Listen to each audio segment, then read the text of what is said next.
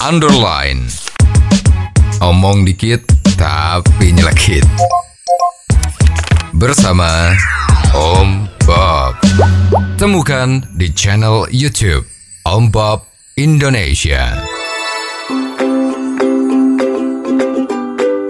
Om Bob, Wakil Ketua Komisi 3 DPR menyoroti tingginya jumlah penghuni lapas di Provinsi Jambi. Kelebihan kapasitas di lapas Jambi ini mencapai 106 persen. Sehingga untuk kasus ringan, beliau menyarankan tidak harus dipenjara. Bagaimana Om Bob menggarisbawahi masalah ini? Ya sebetulnya itu istilah overkapasitas itu tidak betul ya.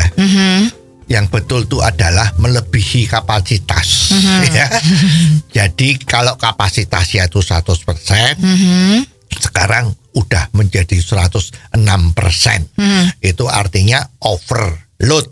Ya. Bebannya sudah kebesaran ya. Jadi ini eh, yang nulis ini sering ya juga salah terus ya.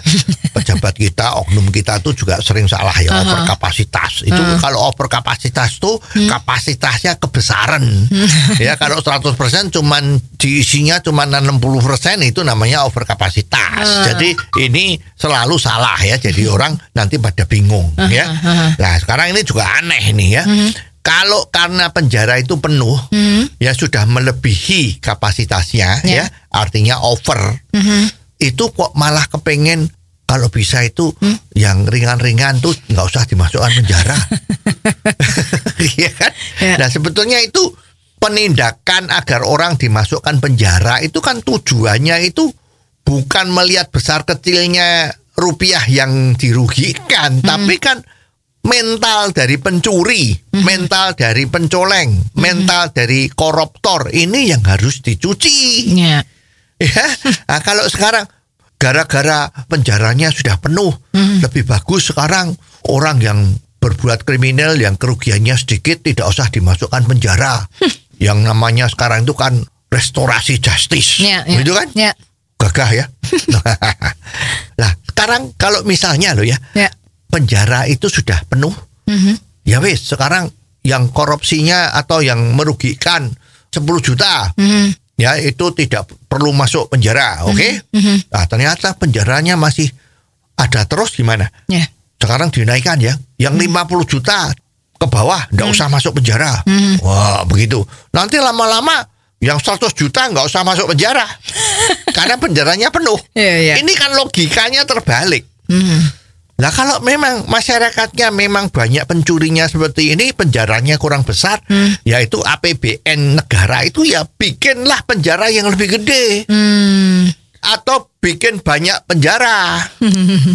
Bukan malah mengurangi tingkat hukumannya. Ya. Ya. Ini kan nggak bener. Contoh yang paling luar biasa itu kan di Amerika. Sekarang itu kalau nggak salah di San Francisco ya. Itu kalau orang mencuri kerugiannya itu di bawah 900 US dollar. Jadi kurang lebih kalau di sini itu ya di bawah 20 juta rupiah ya. Ya. Ya. Itu ternyata polisi tidak bisa menangkap, Hmm. tidak bisa memproses. Karena biaya memprosesnya, menangkapnya, memberi makan dan biaya pengadilan ya hakimnya itu kan juga harus dibayar kan? Betul. Itu jauh lebih besar dari 900 dolar. Hmm. Ya, Jadi apa yang terjadi? Sekarang di sana itu kalau ada supermarket supermarket di mana kasirnya itu kelihatan bahwa itu ada orang yang ngutil. Kemarin ada yang ngutil ya Iya, iya. di Alfamart atau Iya. apa itu ya. Iya. Nah kalau ada yang ngutil dan itu biayanya yang kehilangan yang dikutil itu di bawah 900 ribu, maka ya tidak bisa apa-apa. Ya. Karena polisi juga nggak mau nangkep. Karena biayanya lebih mahal. Hmm. Lah apakah Indonesia itu mau tiru seperti itu? ya, sekarang mau berapa? Ya kan? Ya. Ah, kalau di tempat kita ini kalau sampai ada itu seperti itu ya mungkin tiap hari supermarket tuh yang ngutil banyak. karena nggak ditangkap, Ya. Ya. Ya. karena dibebaskan. Ya. Ini kan nggak bener. Betul. Ya jadi pemikiran-pemikiran yang seperti ini nggak boleh ada dong. Hmm. Kalau memang ada semacam kebakaran, Hmm. ya yang dicari ya api itu kenapa bisa kebakaran, Ya. bukan malah dibakar.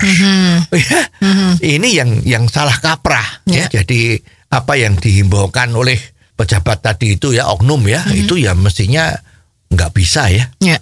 Jadi hati-hati besok ya kalau pemilu ya. Pemilihan umum besok ini harus milih betul-betul Iya. wakil kita yang pemikirannya itu pakai akal sehat Hmm, ya. Logikanya harus jalan baru kita Iya. pilih. Oh, jadi begitu ya Om Bob. Jelas deh sekarang. Terima kasih Om Bob untuk waktunya. Sampai ketemu lagi di waktu yang akan datang. Underline. Omong dikit tapi nyelekit.